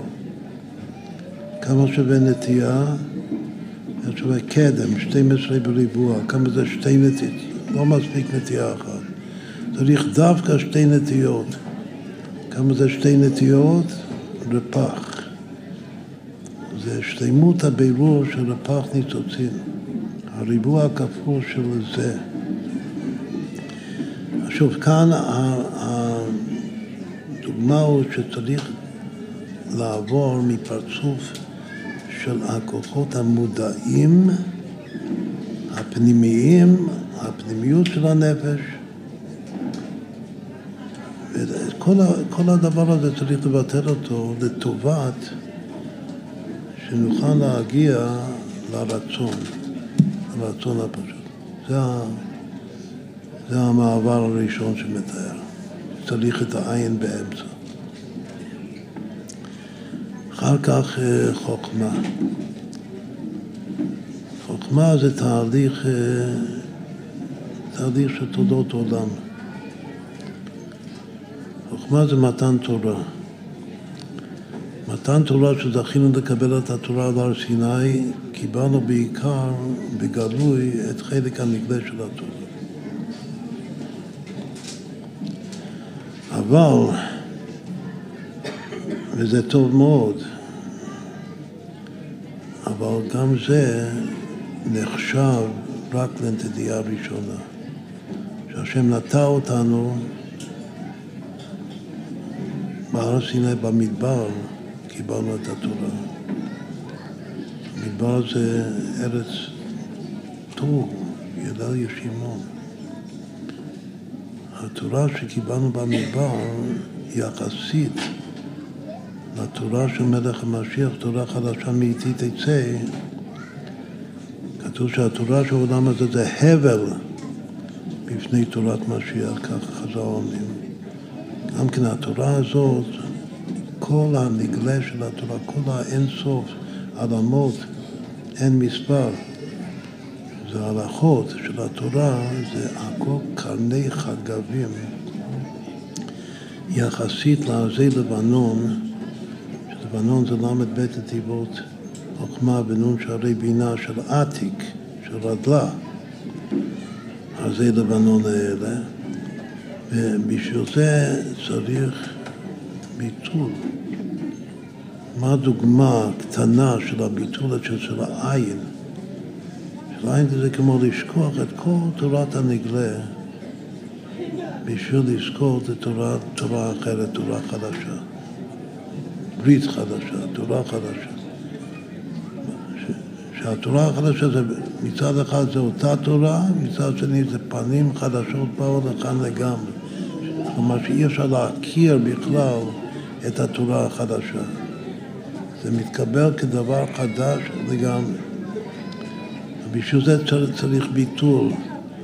כאילו לשכוח את כל, כל מה שלמדת, את כל ההר סיני. לשכוח אותו. מי עשה את זה? זה רב זירא עשה את זה.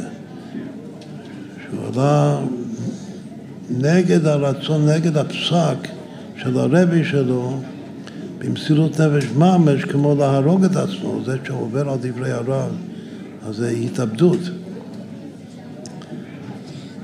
לעלות את הרבי של רבי יהודה אסר עלייה מבבל לארץ ישראל, מפסוק. ואף על פי כן, בחילוף נפש, הוא צם או ארבעים או מאה תעניות בשביל לשכוח את כל תלמוד בבלי, שזה מוחין דאמא, בשביל לזכות בתלמוד ירושלמי. זה מוחין דאבא. אז, אז היה פה ביטול של, של הכל, גם הבעל שם טוב, גם חזר לקדוש ששכח את הכל. אחר כך הוא התחדש אצלו, אחרי חוויית העין, שאין לי כלום מהפרצוף הקודם. עכשיו, הדבר הזה זה, ב, זה בחוכמה. זה גם מעבר, מה שאמרנו לבזרו זה מעבר ממוחין דאמא למוחין דאבא. עכשיו, שעוד אחד מהמשלים, כאילו מהדוגמאות שמביא הצמח צדק, שזה בכלל מה שאמרנו קודם, לעבור מידיעת המציאות לראיית המהות, משמיעה לראייה. לעבור מהשם שמעתי שמך יראתי. ולעבור לראיית המהות, שזה ביטול במציאות, וגם האהבה ותענוגים. שזה שוב, זה ממוחין דאימא למוחין דאבא, צריך באמצע קטנות. הקטנות זה לחזור לאמונה וביטחון. שאני לא יודע כלום.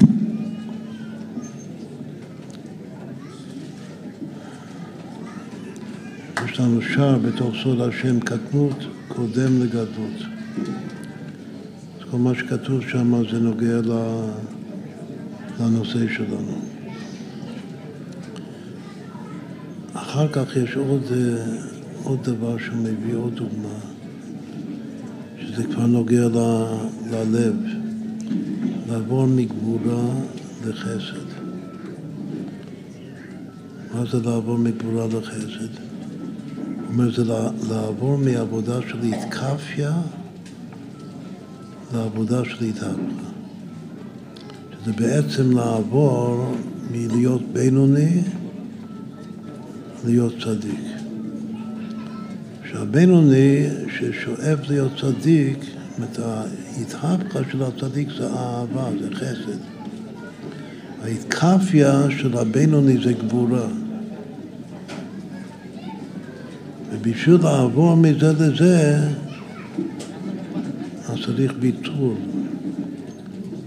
צריך לבטל את ההתקפיה. זה ודאי משבר בנפש. כבר לא עושה התקפיה ולהתהפכה הוא לא הגיע עדיין. אז איפה הוא נמצא? איך הוא אוכל את ארוחת צהריים? בלי התקפיה ועדיין בלי התהפכה. הוא בברוך רציני. כנראה שכולנו שם. לא שאנחנו יוצאים מאתקפיה בגלל שעוד לא התחלנו אתקפיה. בכל אופן, יש עין בין הבינוני לבין הצדיק, שזה בעצם בין הגבורה לבין החסד. שהכל, זה הכל חסד, הכל טוב. הכל אהבה. אחר כך יש עוד אחד שזה שייך לספירת התפארת, שזה המעבר בין נטיעת הנפש האלוקית בגוף הנטייה הראשונה זה שהשם נוטע בתוך הגוף של היהודי, שזה נקרא כאן יש הסבר עמוק מה זה נקרא שהשם בוחר בגוף. אפשר לפרש שהשם בוחר בגוף של היהודי שהגוף בפני עצמו אוהב את הגוף הזה. זה, זה נכון ודאי, אבל כאן זה תוספת, תוספת הבנה שהבחירה בגוף זה שהשם בוחר בגוף לנטוע, שהוא יהיה מקום ראוי לנטוע בו את הנפש האלוקית, שהנפש האלוקית זה חלק אלוקא ממעל ממש. השם מחפש מקום איפה לשים חלק מעצמו, שחלק מעצמו זה הוא עצמו, זה כולו, בגלל שאתה תופס בחלק מן העצם, אתה תופס בכל העצם. אז מה זה המקום הכי טוב לשים את החלק הזה? בתוך הגוף של היהודי. עכשיו, כל זה זה רק נטייה ראשונה. שהוא בוחר בגוף של היהודי כדי לנטוע הגוף של היהודי כאן זה הגן, הגן הראשון, שהוא שותל, זה המשתלה. אחר כך, אז מה הנטייה השנייה? שבשביל זה צריך לבטל או להגיע לעין ביחס לנטייה הראשונה. מה שהנטייה השנייה זה שהשם שותל מצוות בתוך היהודי. הבאים ישרש יעקב, שהשם נותן מצוות ליהודים. מה, מה זה דומה, שני השלבים האלה? זה דומה למה שכתוב בפרקי אבות, שחביבין ישראל שנקראו בנים למקום, חיבה יתירה נודעת להם שנקראו בנים למקום. אחר כתוב, זה רבי עקיבא אומר את זה, אחר כתוב חביבין ישראל שניתן להם כלי חמדה. כלומר שהחיבה של הכלי חמדה זה נקרא הנטיעה השנייה. הנטייה הראשונה זה שאנחנו בנים למקום.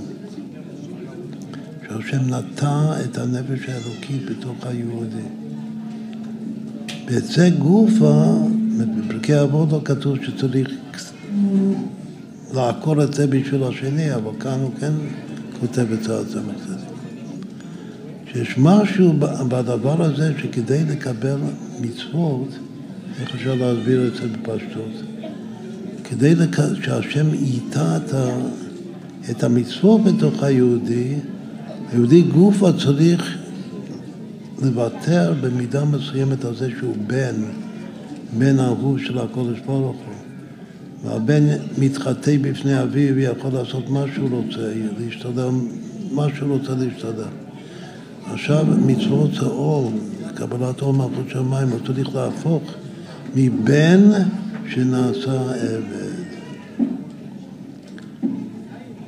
קודם היה לנו שהשתי נטיות זה מבינוני לצדיק. הצדיק הוא בן. וכאן זה שהבן צריך כאילו לצאת מהייחוס שלו ולהיות עבד של המלך שלו. זה הנטייה השנייה. זה נקרא שהשם שותל מצוות, זה גם כן חידוש. הקבלת אור מלכות שמיים זה לא סתם שאני מקבל אור. הקבלת אור מלכות שמיים שהשם שותל בי משהו חדש. קודם הוא שתל בי את הנפש האלוקית שלי, ועכשיו הוא שוטר בי את התורה ואת המצוות, זה הופך להיות חלק ממני. זה הרמ"ח איברים והשסה גילים שלי, המצוות. זו הנטייה השנייה. אחר כך יש עוד, עוד אה, דוגמה חשובה מאוד, שאומר שזה המאמר הראשון של אדמו"ר הזקן בליקודי תורה בשיר השירים, ששתי בחינות של כלה. יש כלה תתאה ויש כלה עילה. וכלה תתאה זה כלה מלשון תשוקה, כלות הנפש במובן של תשוקה, וכלה עילאה זה כלה בלשון כיליון. ההתחלה הראשונה זה נקרא קלטן נפשי בלשון הפסוק בתהילים, והקלה השנייה זה קלה שארי בתהילים. מילים פשוטות זה ביטול היש, ביטול במציאות. בין הקלה הראשונה שזה ביטול היש, שזה עדיין, מה זה היש? היש כאן זה התשוקה המוגשת. שהקלה רוצה את החתן. משתוקקת לחתן, אלישך תשוקתך. אלישך תשוקתך זה נקרא קלת התא. יש בזה ביטול, הרצון הזה. זה תשוקה של ביטול היש לקראת החתן שלה, האיש. אבל יש אויס. זה כמו שכתוב שהרב המגיד נכנס לחדר הייחוד עם אשתו, אז היא לא ידעה לא בבואו ולא בצאתו. פשטות, כאילו שהיא התעלפה מההתחלה עד הסוף. בעילפון, אבל זה משהו, זה לא עילפון. פשוט זה הגיע לביטוי לכיליון. ביטול במציאות, בייחוד שלו. אז ככה זה אנחנו כלפי הקודש ברוך כלפי השם.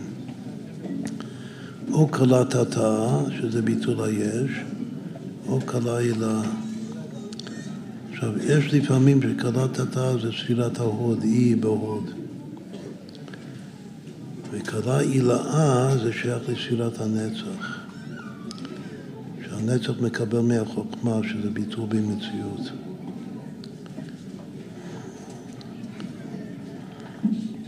עכשיו, יש דוגמה עיקרית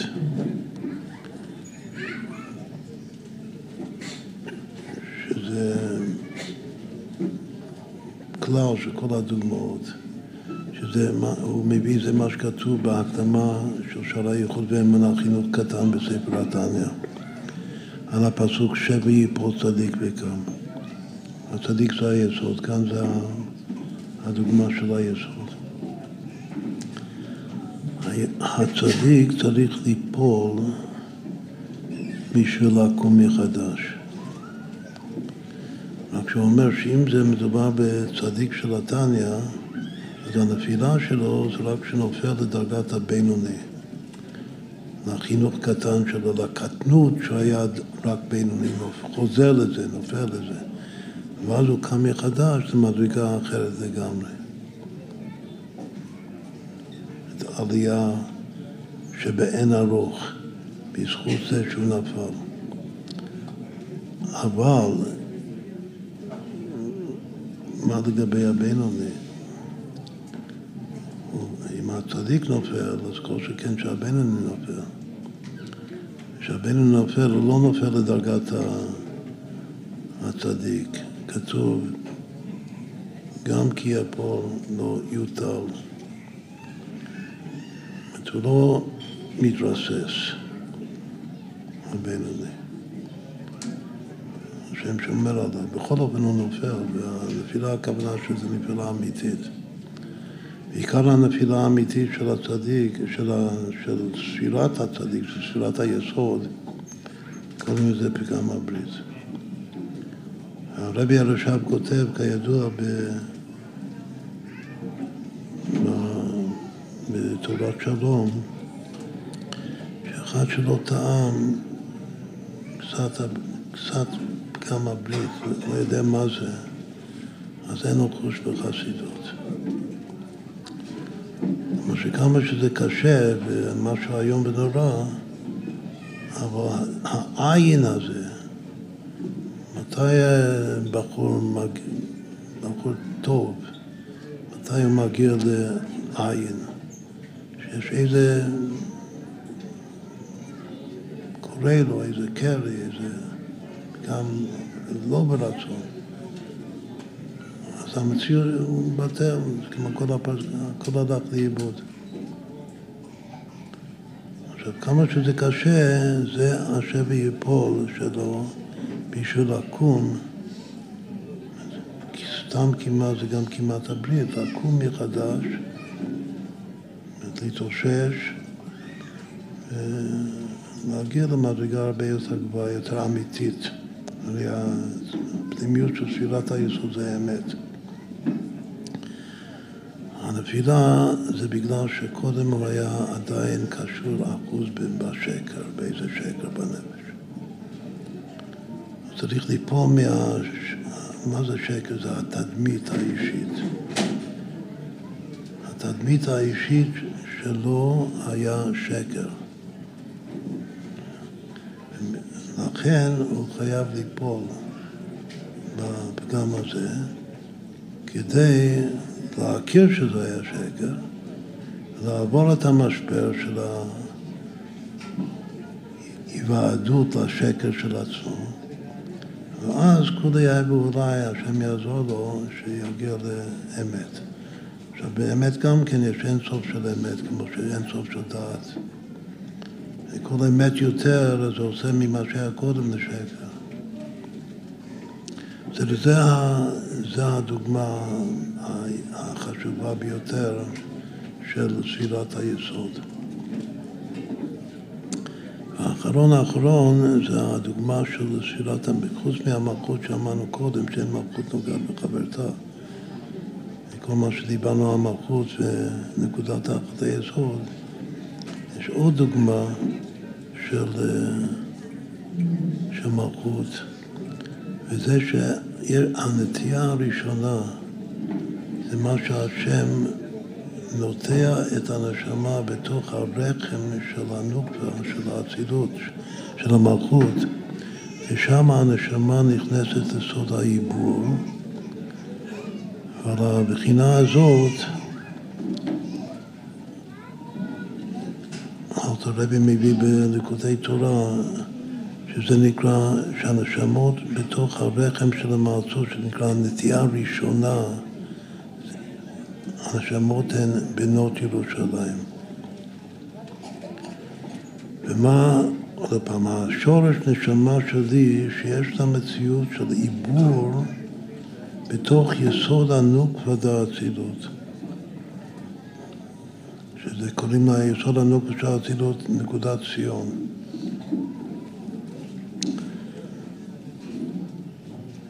הנטייה השנייה, כאילו התכלס? הבטחתי שהשם מוציא את ה... כאילו עוקר את הנשמה ממלכות האצילות ושוטר את הנשמה מחדש למטה בתוך הגוף ונפש הבעמית וכל העלמא דשיקרא. זו הנטייה השנייה, זה התכלס. למה זה, זה, למה התכלס זה להוציא את הנשמה מהאצילות? ולנטוע, לשתול את הנשמה למטה ברע, בתוך הרע. בגלל שדווקא על ידי זה הנשמה חוזרת למקור דבר, למעלה מהאצילות, באק, כמו שהוא כותב ביום-יום, שצריך לראות כל נשמה איך היא באדם קדמון, המחשבה הקדומה דאק. שכאן רואים את כל הגלגולים של הנשמה מאדם הראשון ועד משיח ועד תחיית המתים, הכל ביחד. וזה הרווח של הנטייה השנייה דווקא בגוף, למטה, דווקא בנפש הבעמית, כדי שהיא תחזור לשורש האמיתי שלה באדם קדמון. הוא למעלה בקודש. אז זה רק שתי נטיות שזה שייך למלכות. כלומר שכאן המשבר הוא שהאדם צריך לעזוב את, ה, את הרחם שלו, את ה, אנחנו קוראים לזה את החממה. כמו שדיברנו הרבה מאוד פעמים, שיש אנשים שהם אה, בחממה, ביצהר למשל, או בעוד מקומות, שזה חממה, חממה זה נקרא רחם, חממה זה משתילה חממה, מה זה חממה?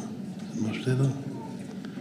וחממה, כשאתה נמצא בחממה, זה באיזה, בסביבה טובה, נעימה. אתה לומד שם ואתה מתבודד שאתה עושה, מניח צבילים, עושה את כל המצוות, אבל אתה עוד לא יצאת לעולם הרע.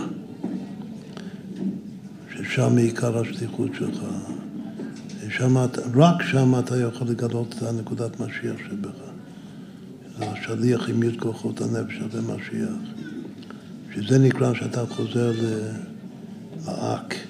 אק זה משיח. זו הדוגמה האחרונה של הבן אדם שצריך לצאת מהחממה ולצאת לעולם, לצאת הקרב. החייל.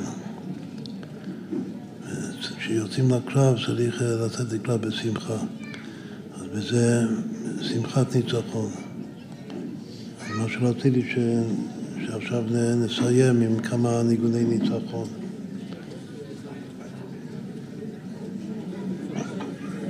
קודם ה... עוד פעם אמרנו שהעין זה לא נשכח שעין זה אמונה, יוזמה, ניצחון. ראשי תיבות עין. התכלית זה ניצחון. אז יש גם את טיל הנוצח, ויש גם את המר של נפוליאון.